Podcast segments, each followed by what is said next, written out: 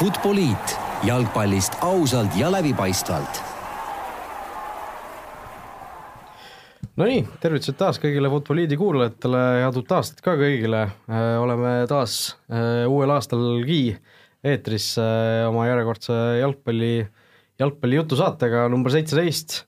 ütleme siis kas Enar Jääger või, või värske hõbepallur, nagu Rasmus siin just ütles, Siim Luts ilmselt nemad kaks sellist esimest number seitseteist on, kes, kes siin Eesti koondisest meelde tulevad, nii et et ega meil väga pikka pidu ilmselt nende numbritega siin ei ole, et äh, varsti oleme juba kahekümne juures ja ja siis sealt edasi on juba suhteliselt, suhteliselt raske neid patroone leida, aga aga seni saame selle peale edasi purjetada. Äh, oleme täna stuudios kolmekesi, äh, mina, Raul Öösser ja Rasmus Raidla on, on ka siin. tervist! ja kolmanda, kolmanda mehena siin täna taas kord külas meil Ivan Špoll, spordihuviline, ütleme siis nii tere! ja, ja jututeemasid on meil täna mitmeid, peamiselt siis Eesti jalgpallil peatume ja ja mitmete eri nurkade alt võtame siis kohe alustuseks äh, siin Eesti koondise nimekirja, mis siin eile välja tuli, äh, vahepeal kiired vaheteemad ka äh,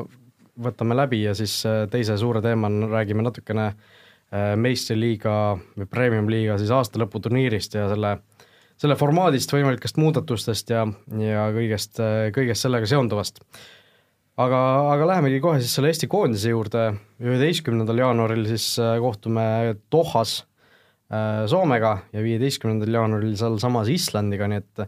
ei ole need mängud üldse sugugi mägede taga, natuke üle nädala sinna aega on ja ja Martin Reim siis äh, kakskümmend kaks mängijat eile koondisesse kutsus, noh, oodatult suhteliselt selline mitmekesine nimekiri, et on, on välismaa mängijaid, ei ole muidugi selliseid äh, päris kõik, kõiki äh, tippmängijaid kohal eesotsas noh, Ragnar Klavanite, Karol Metsade, selliste mängijatega, aga aga tegelikult äh, minule isegi pisut üllatuslikult selline tugev koosseis, et äh, on meil siin Joonas Tammed, Madis Vihmanid, sellised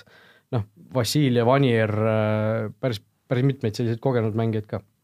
Ma arvan jah, et kõik neli nime, mis sa välja tõid, seostub ka sellega, et ideaalis kõik soovivad talvel klubi vahetada, et äh, hea koht, kus nagu näidata, et äh, ei ole ka Rootsi ega Soome nüüd äh, või Island ega Soome nii-öelda tipp, tippsatsidega vastas, aga täpselt selline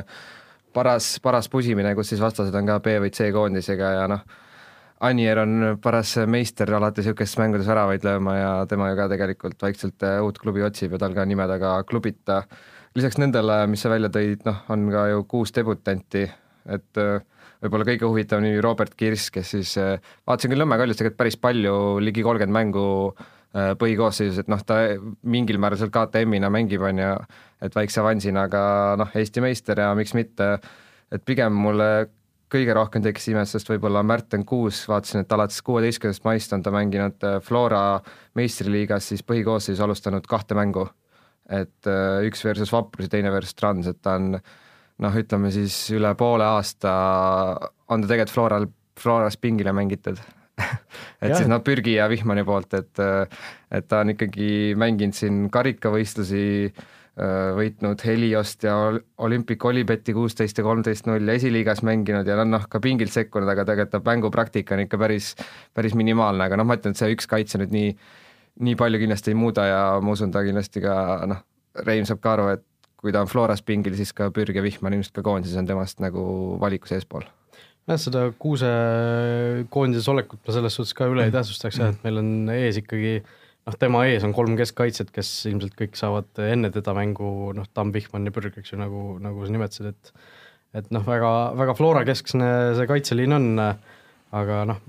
mis teha, kui, kui need parasjagu need paremad mängijad sealt tulevad, siis ei ole, ei ole midagi teha, et äh,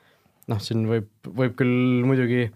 midagi, midagi kobiseda, et äh, äkki oleks pidanud Levadiast kellegi, mõne kaitsemängija kutsuma, aga noh. no seal jällegi... Tuudarev on ju Vene passiga ja Podoljuzinil no, on sihuke, jah, et Podoljuzinil on niisugune ähmane taust, et noh, on ju poolametlikult välja öeldud, selle tõttu teda nagu enam ei kutsuta, on ju, et noh, nagu lihtne on jah öelda, et miks on Florast, aga siis äh, raske on nagu nimetada võib-olla konkreetset nimedi, kes see võiks keegi teine olla, jah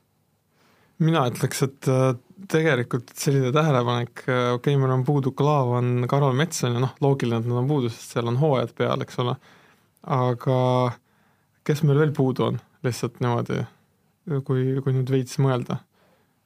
Äh,, nagu päris koondist ma mõtlen, Hendrik Ojamaa ilmselt on ju noh, Poolas, eks ju ka, tal on küll väike paus, aga, aga Siim Luts ka täna Eesti Päevale andis intervjuu, kus ütles ka, et tal ei saanud klubi juurest tulema, kuigi soovib ka Tšehhis klubi vahetada, et eks neid mõningaid on, aga noh, ma ütleks, et jah, et äh, debütandid välja arvata, siis need regulaarsed koondised on suht niisugused tavalised, aga ma arvan, siin ongi, nagu sa ütlesid, et need tugevad nimed, mis sa välja tõid, äh, noh, hea koht, kus nagu näidata võib-olla, et äh, oled endiselt heas vormis ja noh, võib-olla sealt otse siis testimisele minna nii-öelda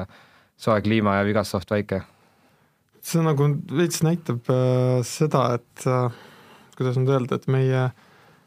koondis muutub järjest meistriga kesksemaks see materjal on järjest keskli-, meistriga kesksem, et kui vanasti, no mis vanasti, okei okay,, ma ütlen puusalt, mingi seitse-kaheksa aastat tagasi ma oleks öelnud mm,, et äh, üks-kaks mängijat võib-olla meistriliigast oleks nagu mingi üldse seal kahekümne kolme seas, on ju. et nüüd on, ma ütlen, et kindel pool on juba meistriliiga mängijad. Et ma, ja nüüd praegu ma panen tähele, et noh, vanasti on olnud ju need jaanuari-novembri need kogunemised sellised noh, on B-koondis, ol-, olgem ausad, olnud ja pluss need Soome ja Norra inimesed, eks ole sest nüüd on see ju tegelikult äh, ikkagi A-koondis, välja arvatud Klaavan, Mets ja mõned Poola poisid. et minu arust mõttekoht natuke. kui ma lihtsalt siin sirvin seda nimekirja ja see on esimene idee, mis üldse pähe tuleb. Äh, vastas on siis, nagu ma aru saan, Rootsi ja Islandi liigamängijad need, kes, äh, sest et ilmselgelt jah, sisuliselt küll noh, sarnane koondis nagu meil vastu on pannud. tegelikult see on päris head, päris head mängud võivad tulla isegi eks need on alati head mängud olnud, et noh, igal sportlikus mõttes igastahes etemad kui need need sellised Aafrika turneed või Okeaania turneed, mis siin on olnud. ma olen et... nõus, ma olen selles mõttes nõus, et äh, ma pigem mängiks ka Rootsi ja Islandi liiga mängijate vastu, kui kui läheks turneele noh, ma ei saa öelda, et need on nõrgad koondised, need on ka ikkagi mingit FIFA rankingut omavad tiimid, aga see on ikkagi selline noh, äh, aklimatisatsioon ja sellised küsimused tulevad vahele praegu ma ütlen, et see on väga päris hea variant, päris hea variant Reimile. jah, no kui sa ütlesid Messi liiga keskne, siis äh, vaatasin sellele nimekirjale nagu uue pilguga natuke peale, mõtlesin, et et noh, kes on need mängijad, kes, kes ilmselt ei oleks siis äh, noh, kui me mängiks praegu mingisugust ütleme, mõisa peale mängu, siis ke-, kes, kes on need mängijad, kes nagu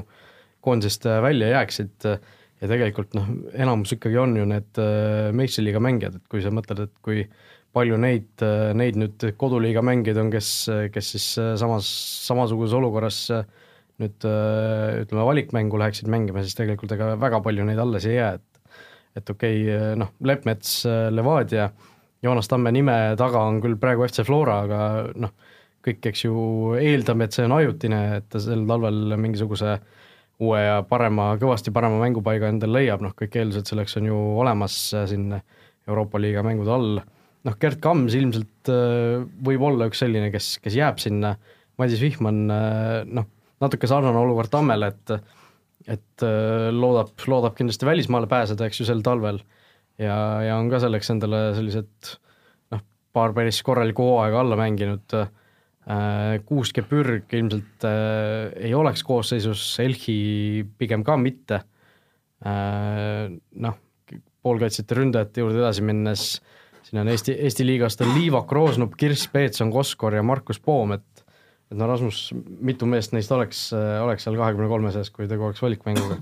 No nagu me siin rääkisime millalgi, et äh, siin vist Aivar Pohlak on öelnud, et kaks-kolm nii-öelda noortekoondis võiks tõusta, et seal me Liivaku ja Poomi näiteks välja tõime, aga vaatan, et eelmine aasta samadesse mängudesse sai kutse näiteks Mihkel Ainsalu, keda seekord äh, valikus ei ole. et ma nüüd päris kindel pole, võib-olla mingi väike vigastus ka, aga noh, justkui nagu ilmselt seal keskväljal on siis tema asendatud siis Poomiga Äh, noh, ma arvan, et Poomi nagu vaikselt hakatakse testima, Koskor on kindlasti selline, et äh, noh, natuke kahtlen, et ta suudab ikkagi praegu veel koondises läbi murda, Peetson, Kirss, Roosnup, noh kindlasti nad ei saaks praegu kutset, aga aga sellises kohas nagu hea koht neile neid, neid nagu testida. et Peetsoni puhul ju kaks tuhat seitseteist mängis veel Pärnu Vapruses ka, et päris niisugune äh, huvitav, huvitav tõus ja noh, Artjom Dmitrijev otse siis äh, esiliiga B aastalõputurniirilt või esiliiga aastalõputurniirilt tegelikult. jah, Leegioni ta seal esindas, aga no selles suhtes jah, ma arvan, et et need äh, Poomid ja Koskorid ja Peetsonid kindlasti äh, noh, Kirss ka ja noh, Roosnap ka mingis mõttes, et noh, selline paras koht, kus neid nii-öelda esimest korda katsetada mm -hmm. ja mhm. ja, ja noh, seda on lihtsalt se-, selles võtmes on neid mänge nagu huvitav, huvitav oodata. ma, ma loodan ise, et nad saavad kõik mängu ka tegelikult, alati kui kedagi võetakse sellistele mängudele, kedagi uut, siis ma ikka, no mingid minutid võiks iga, igaüks neist saada, vähemalt nagu noh, kuidas nüüd öelda, seda tunnetust, noh, see, et seda koguneb koondisega, see on juba nagunii kogemus omaette, eks ole, aga mingid mänguminutid, ma usun, et äh, minu, minu arvates on selle kõik ära teinud, selle äh,. Okei okay,, jah, me rääkisime siin Märten Kuusest ka, eks ju, aga no ma ei tea, why not jah, kui ma siin selle Ainsalu võrdluse tõin, siis ma võrdlen veel seda aastatagust, et äh, toona said kaitseliinist kutse näiteks Mikael Lillander, Karl Mööl ja Mikk Rentam, et äh, et noh, Mööl ju liitus nüüd Paidega, Lillander Floraga, et äh, noh, jälle niisugune maitse küsimus, mina võib-olla isegi eelistanuks neid Kuuse ees, aga noh, Mööl on neist jälle ütleme, Kuusest neli aastat vanem, on ju, et selles osas ka võib-olla ja noh, Kuuske sa justkui saad nagu kahel positsioonil vist mängitada, on ju, et ta on nii paremas kui keskkaitses suudab mängida. Ja noh, Reintame noh, ega vist keskmine jalgpallisõber reaalselt ei tea, mis tasemel ta suudab hetkel mängida, et et jah, suht, suht sarnane koosseis ikkagi eelmise, eelmise aastaga, ütleme, mängija stiilid vähemalt on samad, et on nagu neid nii-öelda koduliiga noori ja nii edasi, ja ikkagi üks nimi, keda ma ikkagi alati tahan välja tuua ja ma ei ole ikka lõpp, lõplikku vastust saanud, kus on Bogdan Vassiuk et see on suur Šuk peaks vigastuses olema praegu. jah, ei aga minu arust ta juba vaikselt taastub ka, aga ütleme, et äh, see ei ole ikkagi, see ei ole ikka ametlikku vastust ja ammendavat saanud, et nii kaua ma seda trummi löön, kuni nagu ei öelda, et kas ta siis ei kõlba või ei taha tulla või nii edasi, et äh, et jälle niisugune koht, et äh, noh, kui siin Sakaria kohta ju küsiti, et miks, kus ta jääma jäi, et äh, ei saanud passi, on ju, see oleks ka väga lahe olnud teda näha, kui sealt üldse teleülekanded tulevad, aga Vašuki kohta võiks ka samamoodi küsida, et noh, siis võidaks vähemalt öelda, et on vigastatud või mitte, kuigi ma arvan, et see on niisugune otsitud vabandus. no üks mees, kes on veel puudu, kellest siin juttu on ka olnud, Zakari Beglašvilit ikkagi ei ole, ei ole koondise nimekirjas, kuigi teda sinna oodati ja noh, põhjus tuli ka eile siin välja, põhjus suhteliselt proosaline, mehel ei ole, ei olegi veel passi, et et no siin ma tahaks küll nagu Eesti riigi äh, igasugusele bürokraatiasüsteemile nagu kõvasti kuskile koputada, et et no, et no päriselt ka mi-, mi-, kui kaua nagu võib ühele inimesele passi andmine aega võtta, et tal sai ju kahe tuhande kaheksateistkümnenda aasta, eelmise aasta alguses sai see kaheksa aastat minu arust täis, mis tal pidi olema, seejärel ta pidi, ma ei tea, pool aastat ootama, et ta saaks oma mingisuguseid eksameid ja asju teha ja ja nüüd ta peab siis nagu kuni pool aastat veel ootama, et seda passi saada, et et no mille taga see seisab, ma tahaks nagu päriselt ka teada, et äh, miks see nii kaua aega võtab, mis, mis selle põhjus on? et no, see... no see on juba jah, see on juba väike kõrvalekalle, kas sa politsei, äh, piirivalveameti näiteks äh, kuskil järjekorras oled olnud, et see on ka mina, mina umbes pool aastat tagasi, aasta tagasi sain ka passi ja see võttis ikka, võttiski umbes noh, umbes ütleme, kui kuni Sakkaaria selle kodakondsuse saanud, siis ma ei oleks ka selleks ajaks veel passi saanud, et äh, ilmselt käsitletakse nagu tavainimest, mis asi, küsimus on nüüd see, et kas seda on nagu vaja või võiks nagu aasta jooksul paar erandit teha, et noh, et on nüüd nagu vaja kiirendatult seda passi. no mina sain uue passi, sain reaalselt, ma, ma arvan, paari nädalaga kätte, et mm. see ei olnud küll mingisugune asi, mis võtaks äh, kuni kuus no eks see on et... päris võrreldavad ei ole, on ju, et see on ikkagi mehe nagu esimene pass ja seal mingi mingi taustauuringud, seda asja, aga noh, ütleme no, mida, mida see ülejäänud aasta siis nagu, milles, mida siis tehti, et et kui nüüd hakatakse mingit tausta uurima, et see on väike kahtlane väike grusiin, mine tea, noh, selles mõttes. siin on äh, Politsei- ja Piirivalveameti need kontaktid üles otsida ja sinna sa oled täna online valves ka, et sinna helistada, et kuhu, kuhu taha nagu jäi, et et kas võib-olla et noh, kui neile anti see hilja see nii-öelda indikatsioon, et nüüd on vaja kiirelt passi, siis pole midagi, aga noh, ma eeldan, et tegelikult on ju,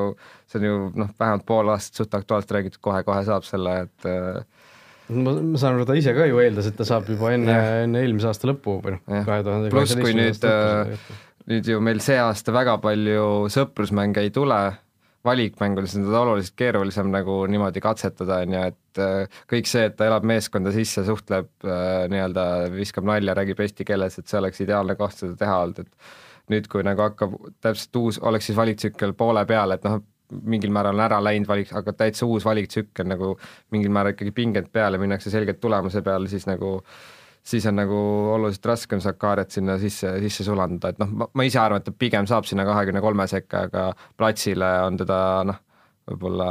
natuke keeruline, et ja, ja samas sa ei saa viie minutiga, sa ei saa mingit reaalset pilti ette, on ju, et kui ta tuleb kaheksakümmend viis sisse, noh, see on niisugune nii-öelda prügiminutid. et see oleks praegu ideaalne, kui ta saaks, ma ei tea, poolteist mängu või midagi sellist, on ju. Mm.. no teine asi, et Jalkaliit oleks ju võinud selle peale, selle peale ka mõelda, ma ei tea, kas seda kaaluti, et, et Sakaria noh, lihtsalt kaasa võtta sinna Katari, et noh, ta saabki see, mida sa rääkisid, et ta saab eesti keeles seal rääkida, ta saab mm. meeskonda sisse sulanduda, ta saab tuttavaks seal inimestega, et et noh, see oleks ka ju täiesti variant olnud aga äkki ta käib, äh, ma ei tea, mul üldse siseinfot ei ole, aga äkki tal on, äh, teda ei tahetud võtta, sest tal on mingid testimised, sellised asjad ei ole? no see on, see on võimalik, eks ju, et sellest nagu nii, nii avalikult ei räägita. no aga... ma saan aru jah, see on aga noh ametliku põhjusena toodi ju välja, et see, et tal ei, ei ole passi. ametlikult jah, ta ei saa, ei olekski saanud, aga võib-olla tal on noh, mingid äh, veel võimalused, eks ole, siis ta noh, ei taha nii-öelda vigastada saada, kuigi on soe nii, aga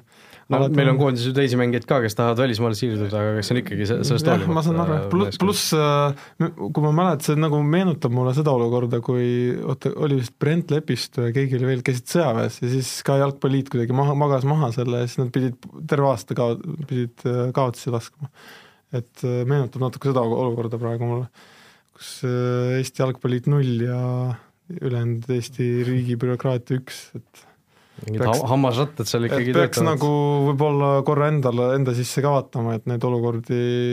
nagu ei tekiks tulevikus, sest et me ka noh, meil ei ole väga palju mängijaid, me kaotame lihtsalt. noh, selle kogu Saka küsimuse juures on see, et kas jalgpallilt oleks üldse saanud midagi teha, et seda protsessi kiirendada, võib-olla mm. alati saab teha. ei no eks ju alati saab, et äh, seal kuidagi mingisuguseid mutreid või asju seal õlitada ühel või teisel moel, aga nagu ennetada saab alati ja mulle tundub lihtsalt keegi ei mõelnudki selle peale isegi varakult, et jälle ta sai eksamis, ahaa, tegelikult see näeb ette, et sa pead veel ootama.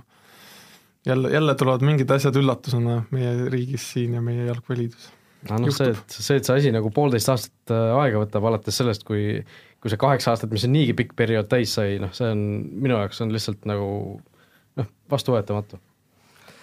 mängudest ise, mis te arvate, et äh, üksteist jaanuar siis mängime Dohas Soomega ja neli päeva hiljem, viisteist jaanuar mängime Islandiga, et äh, Rootsiga vist mängime, sa ütlesid Soomega? ei, ei, Soome, Soome, Soome ja Island ikkagi. aa, okei, sorry, ma, ma ja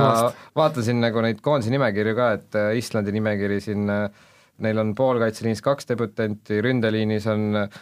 kolme mängija peale kaksteist äh, mängu ja kolm väravat, äh, kaitseliinis kolm debütanti, väravahtidest kamba peale kolme peale kaksteist mängu, et noh, ilmselt keskmisele vutisõbrale nagu need nimed väga midagi ei ütle, siin ühe mängija taga on Jagellonia ja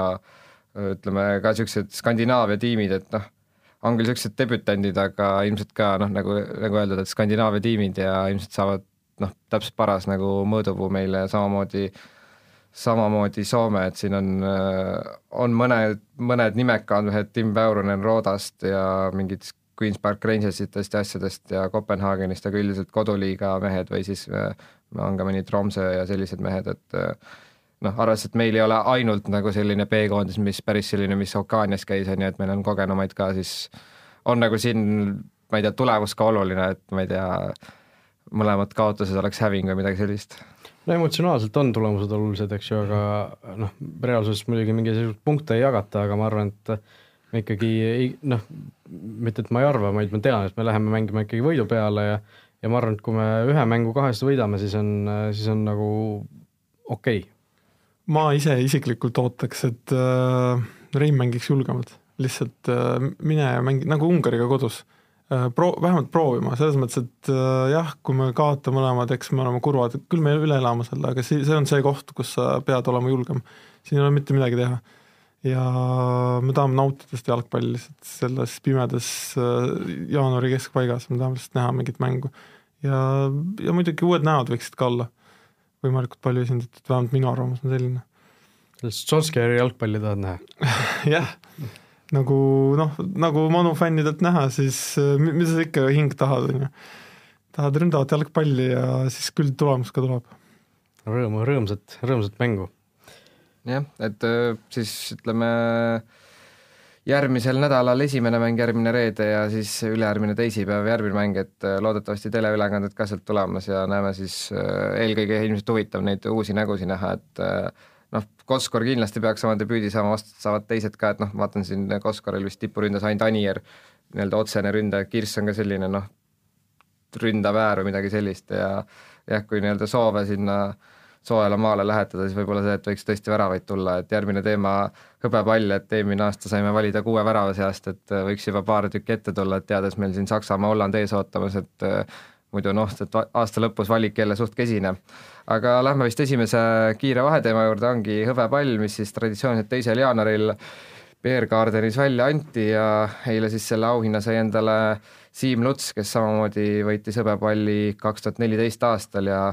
siis võidu tõi talle tabamus Ungari vastu, mis siis meid toona üks-null ette viis. nagu öeldud, kokku lõime kaheksa väravat, kaks neist olid oma väravad ehk ei kvalifitseerunud Eesti jalgpalliajakirjanike klubi seda valis, olgu öeldud ka, et päris niisugune napp rebimine oli, et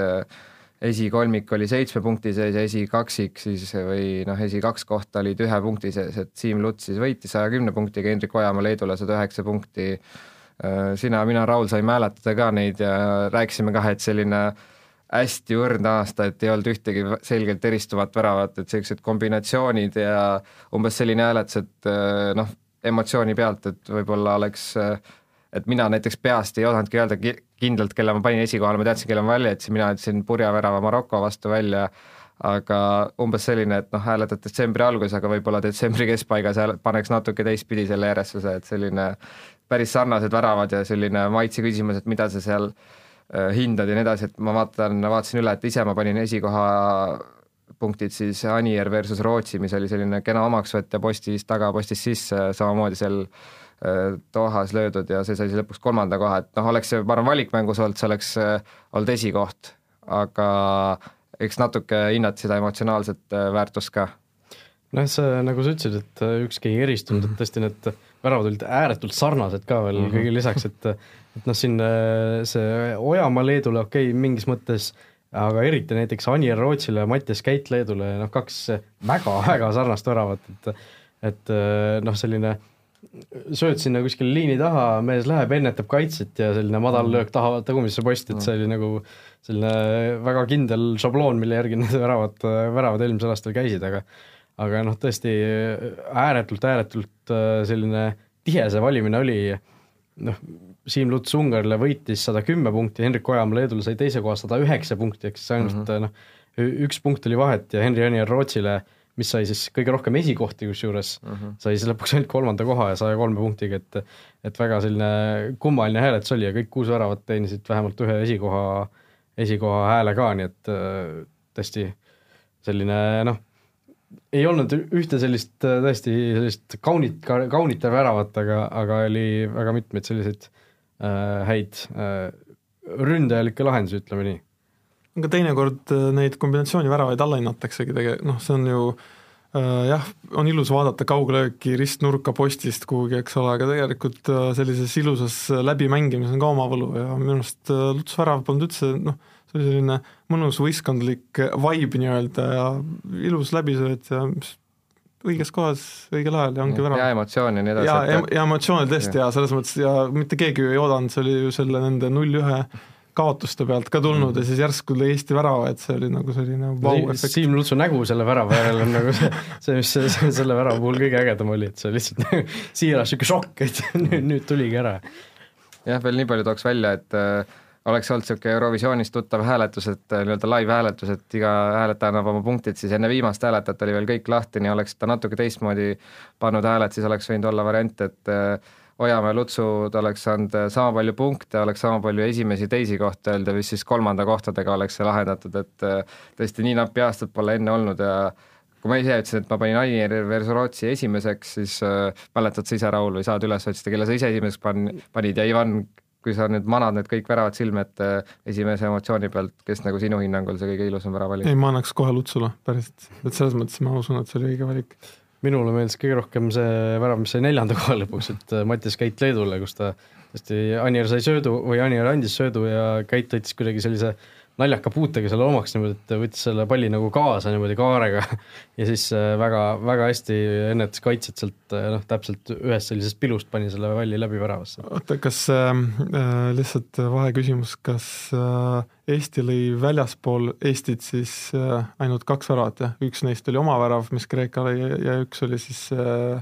Anieri aasta alguses, okei selle pealt on jälle Natalja Anjer lõi Eestist väljas võõrsil ära, Anjer lõi mõlemad nii võõrsil kui kodus, jah. neutraalsel pinnal lõi siis. aa, nojah, nojah, aga ja no lisaks andis pooltele veel väravasöödud ka, nii Jah. et ta oli Teile Anier oli ainsa koondisena kohal ka, et ta vist lõi kaks ja andis äkki kolmele söödu või midagi sellist, et äh, taheti talle see Lutsu auhind olla, aga spordimehelikult ta ütles ka, et, et ei taha sellega baseerida, et noh, kui sa ise nagu pole ikkagi seda, ta andis küll söödu kenasti ja tubli, tubli koondise aastaga. aga, ta ei tahtnudki seda hõbepalli auhinda assisteerida uuesti Lutsule.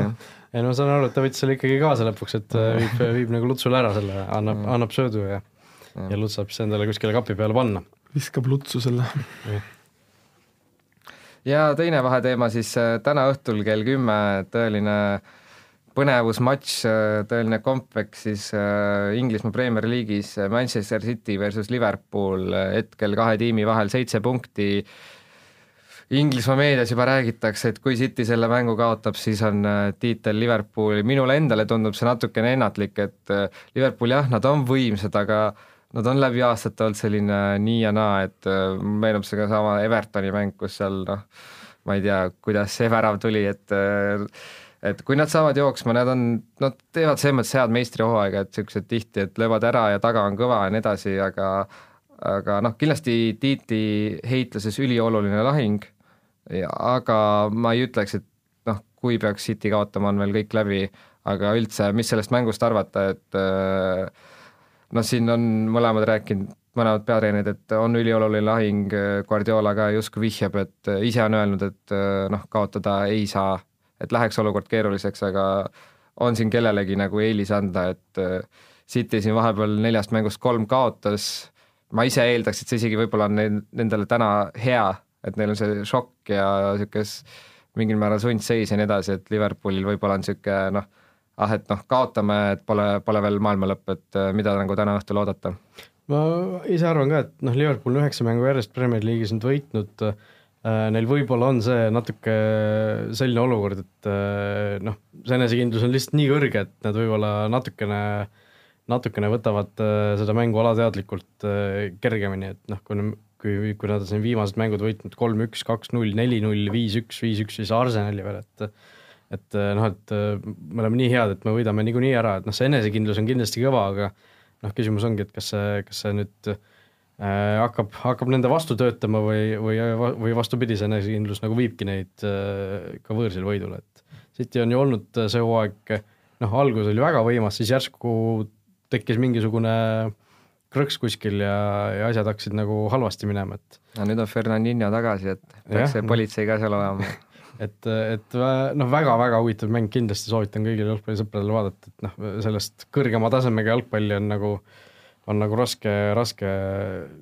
raske leida üldse, et äh, siin paremate päevade Barca, Barca ja Reali mängud võib-olla. jah, et võib-olla maailma power ranking us, noh, ütleme top kuus satsid vabalt võivad praegu olla, et mõlemad mängivad päris head jalgpalli ja see Liverpooli tõesti see viis-üks võit Arsenali vastu, see oli noh, suurepärane, kuidas nad äh, jäid taha ja nii ruttu kaks-üks ette ja noh, nende, eriti kodus nende ründemäng on ikkagi niivõrd ladus, aga ma arvan, et täna neil niivõrd lihtne olema ei saa. Ivan, kes võidab? ma kardan, et sellega juhtub äh, nii, nagu, nagu meil äh, keemiatundides õpetati, et kui tuleb hape ja alus kokku ja siis tuleb lõpuks vesi ja sool, et äh, lõpuks nad on nii ettevaatlikud, austavad üksteist, kardavad ja skeptik minus ütleb, et see võibki tä- täpselt samamoodi null-null jääda, nagu see esimese ringi mäng. Et lõpuks see viik on selline, et või noh, ütleme nii, et see võib võita see mentaliteet, et tegelikult parem on mitte kaotada praegu, et see kaotamine võib-olla teeb palju hullemaks ja ja no see enne mänge ka mõlemad treenerid ju kiidavad, et noh, see on ker-, kergelt selline poolsarkastiline, mis nad teevad muidugi, aga ikkagi noh, ma usun, et nad mõlemad on väga-väga ettevaatlikud. Samas jällegi, kui keegi peaks varakult värava lööma, siis see võib käest ära ka minna selles mõttes, et see, siis pole enam tagasi hoida kellelgi. siis võib päris põnev olla, selles ma ei kahtle, et see tuleb väga kvaliteetne mäng, see on, siin ei pea nagu siin ei ole mõtet väga vast-, vastu vaielda, maailma top viis kvaliteetsemad tiimid kahtlemata hetkel. Seitse punkti on praegu tabelis vahe, kui Liverpool võidab, oleks, oleks see vahe kümme, noh, sa ütlesid, et äh, ei pruugi olla see tiitel, tiitel läinud City jaoks sel juhul, aga ma arvan küll, et et kui Liverpool selle mängu võidab, siis neid enam keegi kinni ei püüa. jah, eks siin me oleme natuke rääkinud ja eks Inglise meedias ka räägitakse, et eks natuke oleneb, mis seal meistriliigas, meistrite liigas ka saama hakkab, et siin äh, vist Paul Merson Sky Sportsis ütles, et äh, Liverpoolil on niisugune noh, üle kolmekümne aasta niisugune võimalus, et võtta see tiitel ära, et noh, kõik on nende käes, et kui nad peaks nagu ütleme, kas või viiki võidavad täna, et noh, et keskend-, pange need munad ühte, ühte korvi ja noh, kindlasti Klopp nagu päris selgelt nii ei tee, et ta ei hakka, ta ei hakka mängima nagu Carabao Cupi meistrite liigat, aga et noh, ta on nagu öelnud, et see on nagu võimalus ajalugu teha, et äh, meistrite liigas sul on niivõrd palju takistusi veel ees, aga me keskendume sinna Premier League'i ja nii edasi, aga noh, ma ise usun, et äh, et nad ikkagi üritavad nii-öelda kuldset duublit, äh, noh kindlasti see läheb, see läheb väga keeruliseks Ivan, sina ka kui kihlveokontoris töötajana, sa ütlesid, et äh, ma ise ka natuke tunnen, et võib olla selline, et kõik ootavad väravaid, vaatan siin kihlveokontorit ka siin üle kahe koma viie värava on seal ühe koma kuue kandis, et ilmselt kihlveokontorid ka plaksutavad käsi, kui peaks niimoodi null-null või üks-üks jääma. mina ei võtaks väravaid, ma, ma ei soovita väravaid võtta. aga, aga mul on tunne, et nagu kogu maailm ja sellised pühapäeva panustajad, kes nagu korra-kaks nädalas panustavad, kõik mõtlevad, et noh, tahavad õhtut natuke põnevamaks teha, et ilmselt päris suured käibed on nagu täna üle maailma väljas, et äh, loodetakse väravaid ja et ilmselt ei no äh, me kõik ju alati loodame väravaid, nii raske on ju panustada sellele, et ei tule väravaid, sest siis on sul see, tuleb see loll tunne, et ära palun, ära palun, vaata see närv, et keegi jõuab värava lähedale, aga mm. ma ei tea, see on keeruline mäng, see on, see võib igatepidi minna, siin ei ole mingit kindlat sellist valemit, aga mis puudutab selle tiitli ehitust, siis tegelikult on ikkagi kolmas jaanuar veel isegi kui on kümme punkti, siis äh, isegi City näol me ju näeme, kui vähe on vaja, et võistkond hakkaks järsku nagu koha pealt sammuma, üks mingisugune loll värav, äh, viigivärav vastaste poolt mingi hetk, mingi vigastus, mis iganes, ja sa hakkad punkte järsku kaotama, et mina selles mõttes ei ütle, et see mäng nüüd otsustab kõik, aga kahtlemata kümme punkti on väga palju. Noh, ma ütleks veel selle kümne punkt, kui see kümme punkti peaks tekkima, et on ju see, et see tähendaks, Liverpool peaks üle kolme korra kaotama ja nad ei ole seni veel kahekümne kordagi kaotanud. või viis viiki. jah, et esiteks peab see juhtuma ja teisest küljest peab kas Tottenham, mida ma kindlasti ei usu, või siis City peab samal ajal sisuliselt eksimatult mängima, et need kaks asja kokku panna, et üks võib juhtuda, aga mul on tunne, et nagu see teine, et need koos juhtuks, samal ajal ju noh, City peab ka seal vahepeal mängima teiste tippudega, et see nagu et äh, raske näha, eriti kui noh, ma ütlen, et mõlemad on meistrite liigas ka konkurentsis. no aga et, samas vastupidi ju juhtus, selles mõttes, et City ju pidurdas või noh, keegi teised pidurdasid Cityt ja Liverpool läheb eksimatult, see võib täiesti vabalt pöörduda, me ei tea, mis tegelikult, mis võib-olla praegu Liverpool ongi selles füüsilise konditsiooni tipus nii-öelda, et mingi hetk tuleb see langus nii või naa, see võib mingi veebruari, mingi märtsi laks ära tulla ja siis järsku hakkab City lähenema jah, Van Dijk või Salah saab vigastada äkki ja, jah, noh täpselt sellist. üks väike vigastus, tead küll, noh, jalg, jalgpall on selline mäng, mängu jooksul võib tead mingi asi juhtuda, et kahe nulli pealt sa kaotad kolm-kaks järsku, et mingi väike muudatus, mingi emotsionaalne ma ei tea, mis iganes. või meistrite liigas keegi neist langeb õnnetul kombel ja kõik hakkabki nagu kukkuma järsku et kindlasti ma... jah, ka täna võib olla selline, et kui seal midagi juhtub, see võib väga palju hooaega meenutada. no absoluutselt, või, või jah, kui City võidab, see on palju, neli punkti ainult mm. -hmm. no siis see pole midagi, neli punkti, see jaanuari, kolmandal jaanuaril neli punkti vahet, see pole mitte midagi. lõpetuseks ennustus ka, korra nad on see hooaeg kohtunud, seitsmes oktoober äh, jäi null-null, äh, Mares eksis kaheksakümmend kuus minutit penaltil, mis täna seis võiks jääda, ma paneks üks-üks ma tahtsin just ka öelda, et üks-üks tundub selline, tundub selline seis, et nagu Ivan ka ütles, et see kaotuse vältimine tundub nagu mõlemale meeskonnale, ma arvan, selles mängus esimene ülesanne olevat, et, et noh, eriti, eriti Cityl, et, et tõesti, nagu me rääkisime, see kümme punkti on ikkagi väga suur vahe, et et noh, Liverpool pole sel hooajal, senise hooaja peale kokku on andnud ära kuus punkti üldse, et et see on mhm. ikkagi noh, absurdne. et ma arvan, et see viik on nagu väga, oleks nagu loogiline tulemus, ütleme okei okay,, ma eristun teist, ma ütlen, et Liverpool võidab kaks-üks ja ainult sellepärast, et Pepp mõtleb jälle midagi üle suure mängu puhul ja seisul üks-üks ta otsustab midagi nagu ikkagi liini natuke üles tõsta ja Liverpool karistab ära. jah, siis arvestades meie ennustuses ilmselt äh, City võidab suht kindlalt, et ta, kolm-neli-null. vaadates, kuidas tavaliselt siin analüüsid on lõpuks äh, läinud. aga eks siis jah, oleme südaööseks oleme targemad, et see mäng siis äh, täna, täna toimumas ja soovitame kõigil jälgida just nii, aga targemad oleme ka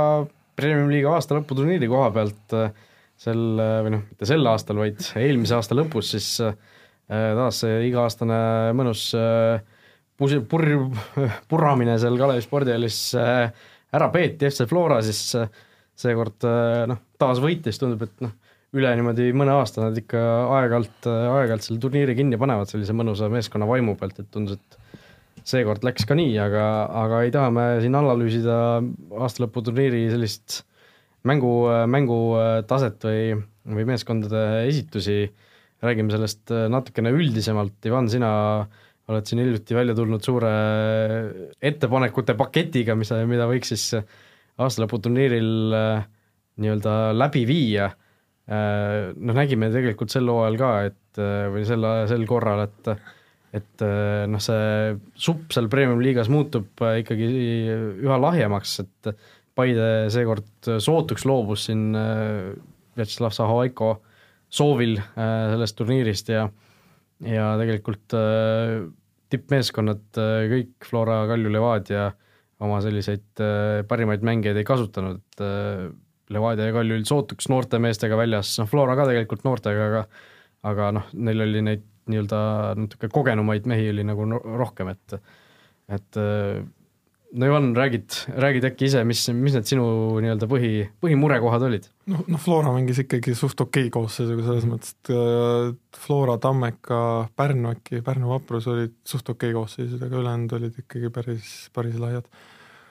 aga aasta lõputurniirist üldiselt äh, tegelikult äh, me kõik vaatame seda, see noh, ütleme nii, et see saab tähelepanu kuskil seal lõpus, kui meistriliiga klubid mängivad, võib-olla esiliiga klubid, aga tegelikult üldpildis on ju see rahvaspordiüritus, sest see algab ju millal, kuue, umbes kuusteist detsember no jõule tugevalt ikka, jah.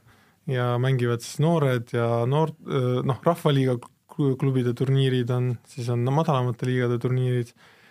ja üleüldiselt äh, selline aastalõputurniir kui rahvajalgpalliüritus, see on tegelikult suurepärane, see on super. Äh, selles mõttes, et äh, see on selline koht, aeg, kus koondataksegi kõik in-, no mitte kõik, aga enamik jalgpalliga tegelevad inimesed Eestis kokku ja siis tehakse selline fun turniir, no ilmselgelt kellelgi, kellelgi ei ole eesmärgiks nui neljaks ära võita, see on selline, et tuleme kokku, mängime enne, saame mõned kilod alla enne jõule, on ju, või pärast jõule ja naudime. mis minu meelest äh, oleks, äh, ütleme nii, et äh, seda formaati on mängitud juba millal, aastast üheksakümmend mis iganes, eks ole. millalgi väga ammu juba. jah, see on püstitatud, see on niimoodi olnud, seda tehakse, aga ma arvan, et seda tasuks no natuke üle vaadata, võib-olla mitte kõik ära lõhkuda nüüd ja ja midagi uut ehitada, et selles mõttes on ju ilus, kõik, kõik on ilusti olemas, Kalevi hall, super, rendime, äh, see väljak tegelikult noh, päris hea, iseenesest ma ei tea, kui paljud teist on noh, palju kuulajatest, palju teist äh, on nagu mänginud, äh, ma olen seda mänginud, ma arvan, üle viieteistkümne korra ise, ma ütlen, see on hea, see on, see on niisugune meeldiv üritus. Ja ja noh, Jalgpalliliit on aja, aja jooksul mingeid äh, asju ikkagi parandanud, see koduleht, mis neil on praegu, see äh, nii-öelda reaalaja tulemustega, see on väga hea, minu arust see on, see on super lihtsalt. see on parem kui need, see live-leht, mis jalgpall nende premium-liigade ja, või muude liigade jaoks on. et selles mõttes see on äh, asi, mida kindlasti ei tasu kaotada, see on väga suure potentsiaaliga, aga see ei ole enam tippklubide jaoks, sest et me ju näeme, et äh, see ei huvita meistriliiga klubisid, see ei huvita isegi tegelikult ka esiliiga klubisid ja ma saan täiesti aru, miks neid ei huvita ja ka mina, kui ma oleks Vjatšeslav Zahovaiko ja treeniks Paide linnameeskonda, siis ma ei läheks sinna turniirile. seal ei ole mitte mingit mõtet. Äh, see, mis vigastuse võid seal saada, üks, sest et tegelikult võistkond tulevad sinna pärast, kas pärast pausi või just ettevalmistuse alguses, see on kõige, see on väga riskantne noh, aeg, millal mäng, mängitada tippmängijaid ja kui tippmängijad seal ei mängi, siis mängivad noored ja milleks neid noori lõhkuda, parem anna neile aega või seda võimalust äh, põhivõistkonnaga treenida. ehk siis äh, sisuliselt me mängime esiliiga, B-esiliiga ja meistriliiga turniiri, mis võtavad ära neli õhtut ja tegelikult äh, me mäng-, me teeme neid klubidele, keda see väga ei huvita. et selle asemel ma näen selles turniiris nii palju potentsiaali kus võib-olla kaasata täpselt sellised kogukonnad a la rohkem amatöörsportlasi, võib-olla mingid firmad, võib-olla toetajad, eks ole, et nagu näidata inimestele, näe, vaata, mis on jalgpall, vaata, sa saad ka staar olla, sellest turniirist on ka ülekanded, veel üks asi, mis ma unustasin mainida, väga hea, super, sa saad olla ise staar, ma ei tea, ma vaatasin, ma vaatasin ajakirjanik, spordiajakirjanike Eesti Jalgpalliliidu mängu, vot see oli, see oli meelelahutus, ütleme nii, et ma nägin, et inimesed naudivad seda, tulid korra jooksma, okei okay,, pärastpoole tulid peaaegu südari saamas, on ju, aga see oli nauditav fänniturniir, kõik, minu, minu meelest äh, enam ei ole see aeg, kus meistriliiga turniir on suurim nagu nii-öelda äh, magnet sellel asjal, fänniturniir on suurim magnet, sest et äh, sinna kogunevad need inimesed, kes muidu ei ole jalgpallurid, staarid, vaid nad tulevadki sinna ja mängivad ära ja on mingi, vaata, see ongi mingisugune temaatikaga turniir, fännide turniir. ja ma ei tea, super lihtsalt, et eks see on selline üks asi, mis, mis mina nagu ma ei ole eri, eriline otsustaja seal, ma lihtsalt soovitan üle vaadata ja mõelda, keda sinna turniirile üldse kutsuda. Teine asi on see, et äh, seda turniiri, nagu ma ütlen, see formaat on juba palju. Meil äh, mitukümmend aastat ja kogu aeg on see, et noored mängivad alates kaheksast hommiku, kaheksast hommikust ja nii, niisiis noored saavad läbi kell kolm umbes, kell kolm hakkavad siis madalamad liigad, lõpeb kuskil kell kümme. ehk siis äh, ma olen olnud noor jalgpallur, ma olen mänginud neid mänge, alati on mäng kell kaheksa hommikul, ei ole üldse kaif, no lihtsalt ei ole, no alustame hiljem, no palun, noh. aga selleks, et hiljem alustada, peab seda formaati muutma, sest praegu on nagu nii-öelda kuusteist võistkonda ja see lihtsalt, see peab seitse tundi olema. et äh, kuna me võtame ära neli turniiri sisuliselt, siis me võime natuke võistkondi vähendada. ja teeme, ma ei tea, kaksteist võistkonda, teeme, teeme nagu ma ei tea, neli kolmest alagruppi, aga samas anname rohkem mängida, et kui sa alagrupist edasi ei saa, siis see, sul ei lõppe turniir, vaid sa saad veel mängida. Nagu neid kohamänge saavad mingid varumehed mängida ja nii edasi. noh, kujutage ette, et sa tuled, sa oled mingisugune Tõrva noorteklubi, on ju, tuled, sul on mäng mingisugune pool kümme, sa sõidad mingi kolm tundi, ärkad, kell viis ärkad hommikul, sõidad, saad oma kolm mängu ära mängida, kaotad, sõidad tagasi, suht kurb, lisame neid mäng, mäng, mängude võimalusi, anname kõigile mängida. ja samamoodi ka noh, need no, madalamad liigad, et saame ikka alustada kell kolm, aga miks me peame lõpetama kell kümme, siis on nagu fi-, see kõige põnevam hetk, finaal, ja siis kell on kümme, no mitte keegi ei tule vaatama ka seda. ehk siis see aasta lõputurniir võiks ikkagi olla nii sportlastel, noh, nii nagu osalejatel kui ka pealtvaatajatele, et praegu see jääb aina, minu arust iga aastaga see jääb aina kaugemaks, et äh, mina vaatasin töö, nii-öelda töö pärast ma pidin seda vaatama, meistriliiga turniiri, ja minu meelest oli veel vähem rahvast kui eelmine aasta. Pluss võin natuke saladuse katte alla, all, all öelda nii-öelda, et et see panustajate huvi ka on languses ja see tegelikult nii-öelda see, kui palju mingile asjale panustatakse, näitab ka huvi selle asja vastu, see on selline väga lihtne korrelatsioon. Ma siis ütleks ka enda mõtted, et ma olen ka, ütleme, viisteist pluss aastat äh, ütleme, jalgpalli mänginud, olen nii noorena kell kaheksal käinud, mulle isegi meeldis, sai koolist ära ja nii edasi, et äh, selle üle ma väga ei kurtnud. ei no sa oled koolist ära, kui sa alustad kell üheksa, selles mõttes, et ei ole vahet. et ma olen, ma olin Tallinna poiss ka, et mul nagu nii hullu polnud, ma ütlekski, et esiteks noh, kiidaks, et see on üldse, noh, ma ei tea, palju üldse ja kas üldse välismaal seda on, et selles mõttes on see hea formaat ja nii edasi, et noortele, alati noorena ootasid seda isegi praegu võrreldes aprilli või oktoobri aast-, nii-öelda hooaja lõpuga ja siis see on alati selline positiivne turniir. aga jah, ma, ma nõustun sellega, et see premium-liiga turniir on küll nüüd ütleks viimased kaks-kolm aastat natuke nagu mannetuks jäänud, et see hakkas vist kaks kuusteist vaikselt Tartus, kui seal Infonet oli niisugune sellise so-so tiimi, kuigi nad vist lõpuks jäid teiseks, siis seal Kalju oli täitsa noortega, et ma ikkagi mäletan ka, kui ma olin niisugune noh, napilt täisealiseks saanud ja siis olid ikka Tallinna TV-st ju, kus sa vaatasid, et Kaljul oli kaubiku täis välismaalasi ja tegid seal samba jalgpalli ja fännid hullusid ja joosti publikusse,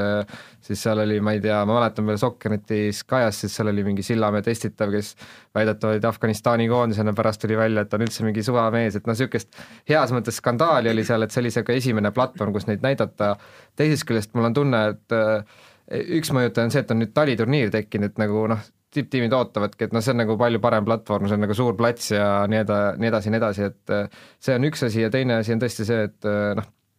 et äh, mul on tunne, et see kaks täispikka päeva ka natuke ära, aja ära läinud, ma isegi ütleks, et võib-olla esiliiga, esiliiga B-s, see on nagu ma nüüd nii palju ei tunne, et see nagu noh, see on see konkreetne üks päev, on ju, et minu arust võiks Premium liigaga samamoodi vabalt teha, et kaks viiest alagruppi ja kohamängud. et äh, see aasta ju kandsin meie üle, kandsin Tallinna TV üle ja ma ise peaaegu proovisin ka mõlemad päevad täispikalt jälgida, paar tundi jälgisin isegi pärast ajakirjake mänge koha peal ja tõesti oli publikut äh, vähem, et noh, see teine pool, kust ju kaamera võttis, sealt ei olnud üldse istmeid all ja see oli täitsa tühi, et vanasti oli mõlemal pool, on ju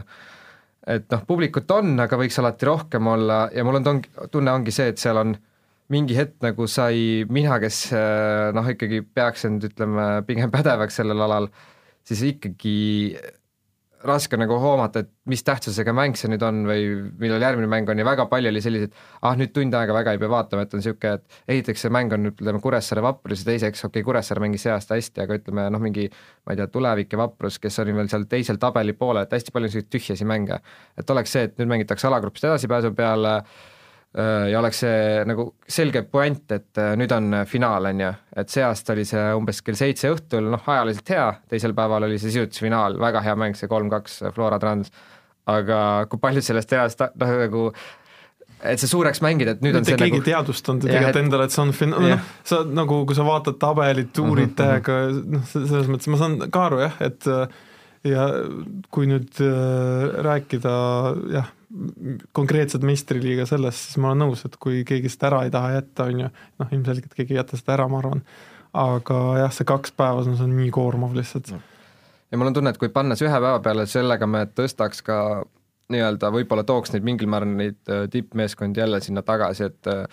et miks tulevad ju vigastused, on see vigast-, noh väsimus, see, kes on seal muru peal astunud, seal on nii-öelda noh, nende pusletükkide peal hästi pehme ja selline, et et see tempo on hea, niisugune teine-kolmas voor, aga see teise päeva lõpp, sul on jalad nii pehmed, siis hakkavadki hüppeliigesed ja kõik asjad minema, aga teisest küljest noh, Zahovaikost mingil määral võib aru saada, teisest küljest on natuke niisugune otsitud vabandus, et jah, on siin nagu mõndade mängijate kas just karjäär, aga hooajad sinna läinud, aga noh, eile just oli uudis, et neli tuhat ükssada kolmkümmend kolm mängijat ja noh, kindlasti on neid väikseid mingeid kõkse ja hüppeliigesid, aga palju neid nüüd väga dramaatilisi vigastusi on, et see enam pole ju neid ohtlikke ääri seal, on ju, et selles mõttes asi on nagu turvalisemaks tehtud ja noh, see väga palju oleneb nagu mängija tüübist endast ka, et minul ei ole ühtegi vigasohtlikku olukorda seal tekkinud, et kui sa oledki selline raidu, et sa lähed igasse olukorda lõpuni, siis saadki lõpuks vigastada ja samamoodi, et noh, ma ei tea, võta üks äh, välihooajal, ma ei tea, võta aprillis või mais, mängib üks nädalavahetus ka võib-olla mitu tuhat mängijat ja ma arvan, saab isegi rohkem mängijaid võib-olla vigastada, on ju, et et kui nii palju mängijaid on korraga lühikese aja jooksul platsil, ütleme kahe nädala jooksul käib neli tuhat mängijat, siis saavadki inimesed vigastada, et see on nagu samamoodi on siin ju juttu, et Morozov ja kes iganes saavad treeningul vigastada, et jalgpallis saadki vigastada, et see on natuke üle müstifitseeritud minu arust. aga samas on selline küsimus, vaata see Astra turniir, kui sa lihtsalt vaatad, et ühest küljest, kas on meistriliiga klubil üldse vajalik, miks ta üldse vajalik on, see on üks küsimus. Ja teine küsimus, aastalõputurniir kui selline on nii suure potentsiaaliga üritus et äh, Eesti Jalgpalliliit võikski seda nagu vähe laiemalt viia, et kui me äh, noh, aastast aastasse needsamad äh, klubid seal mängivad, et see kuidagi nagu ammendab ära ennast lõpuks. et mina näen selles nii head võimalust, ma ei tea, ongi pakkuda noh, seda võimalust mängida pigem just sellistele inimestele, kes ei puutu palliga igapäevaselt kokku, see on nagu minu arvamus. mm aga jah, ma ütlen, need vaist on ju tehtud, ma ütlen, see ajakirjaniku mäng on väga pika traditsiooniga, Rahvaliigal vist on nüüd kaks turniiri. ja Rahvaliigal on B ja A. et seal saab nagu okei okay,, see Rahvaliiga turniirid on ka tihti parema tasemega vaikselt juba kui mingid neljanda liiga turniirid, et et noh, see näitab, et mängijatele mingil määral pakub huvi, et minu arust Hunt on mitu aastat järjest mänginud selle seniidi eest madalat liigasi, Kink on hetkel vigastatud, Kink on alati mänginud neid kolmanda liiga turniire, et et mängijad just ikkagi päris paljud tahavad, et noh, ongi, ma arvan, kui sa oled niisugune noh, vigas saltis ja kolmkümmend pluss, siis sa võib-olla, kuigi Rimo Unt on ka täpselt selline, aga tema, et mingitel mängijatel meeldib seal mängida ja see ongi nagu niisugune hea vaheldus, on ju. no see niit on eraldi teema üldse. Aga et ma ütleks, et põhiprobleem, ma arvan, see on see Premiumi liiga turniir, see ühele päevale, see mingil määral, ma arvan, tooks seda natuke nii-öelda seksikust tagasi, vabaneks üks päev, ma ei tea, see las ollagi mingi toetajate ja sponsorite turniir, meil on ju fänniturniir, meil on Rahvaliiga turniir,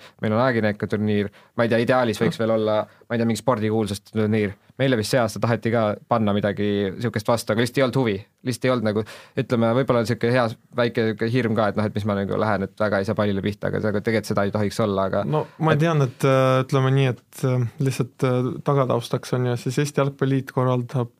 toetajatele suve, suvejalgpalliturniiri, see on niisugune mhm. kuus pluss üks formaadis poolel väljakul, noh õues päris muru peal või päris või kunstmuru peal olenevad, ilmast ilmselt, on ju, et siis on küll huvi selles mõttes piisavalt suur, et äh, see nagu üle, üle kanda nii-öelda ka saali jalgpallile, ma olen üsna kindel, et seal saaks no vähemalt kaheksa, kümme, no sama palju kui fänniturniirile tiime saaks vabalt kokku, et äh, aga noh, see ei peagi olema mingi toetajate turniir, lihtsalt mingisugune firmade turniir on ju, ma olen üsna kindel, et kümme-kaksteist firmat saaks vabalt kokku, kes oleks nõus tulema sinna. see on jälle niisugune aga see jälle laiendaks kandepinda, me näid-, noh, nagu sa annaksid võimaluse paljudele inimestele maitsta jalgpalli ja kui sa jalgpalli veits oled maitsnud, siis sulle hakkab see meeldima.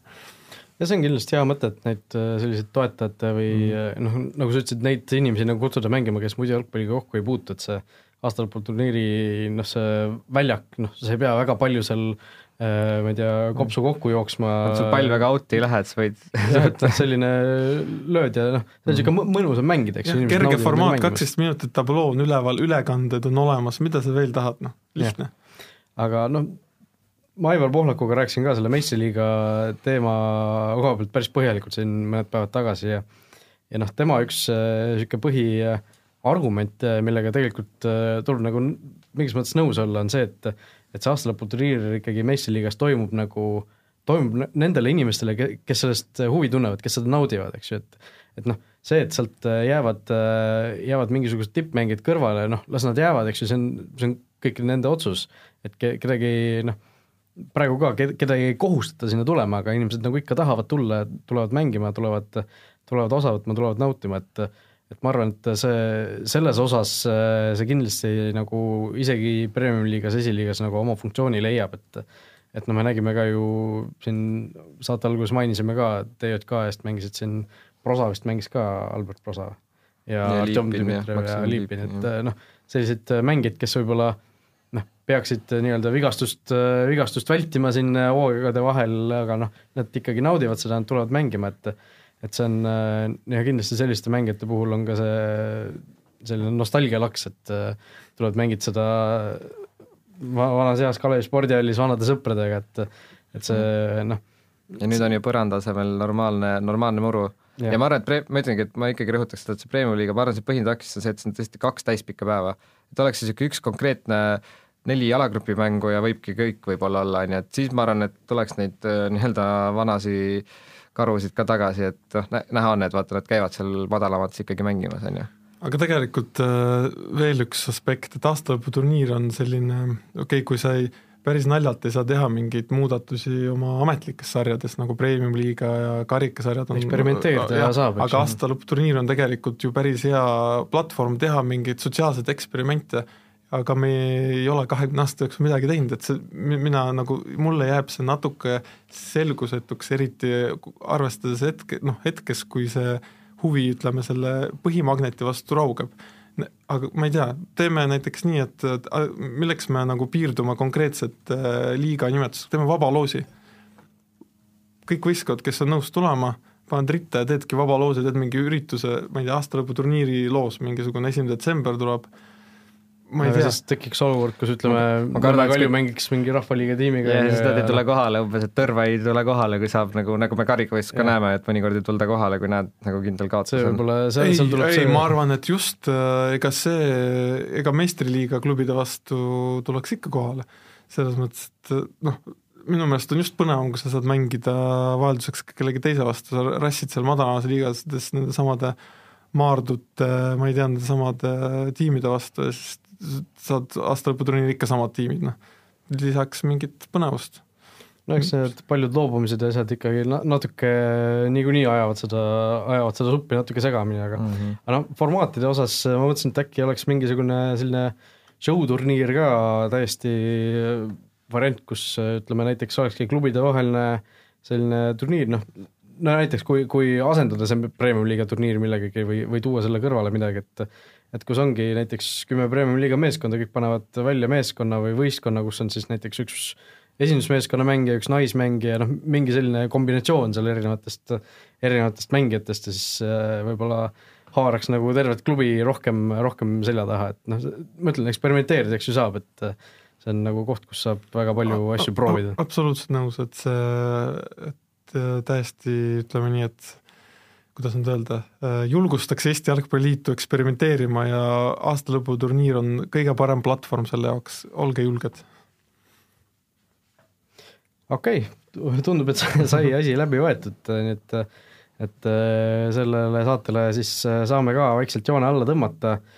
nagu ikka, saate meid kuulata igasugustelt erinevatelt podcast'i platvormidelt, Delfi tasku otsige üles, seal on palju teisigi huvitavaid saateid. Meie siit aga täname, kuulake meid jälle järgmisel nädalal ja kui kellelgi on küsimusi, mõtteid, nagu Ivan meile siin kirjutas, siis võite, võite üles otsida näiteks Futboliidi lehe Facebookist, sinna postkasti saab väga edukalt, edukalt meile kirjutada, nii et, et kohtumiseni.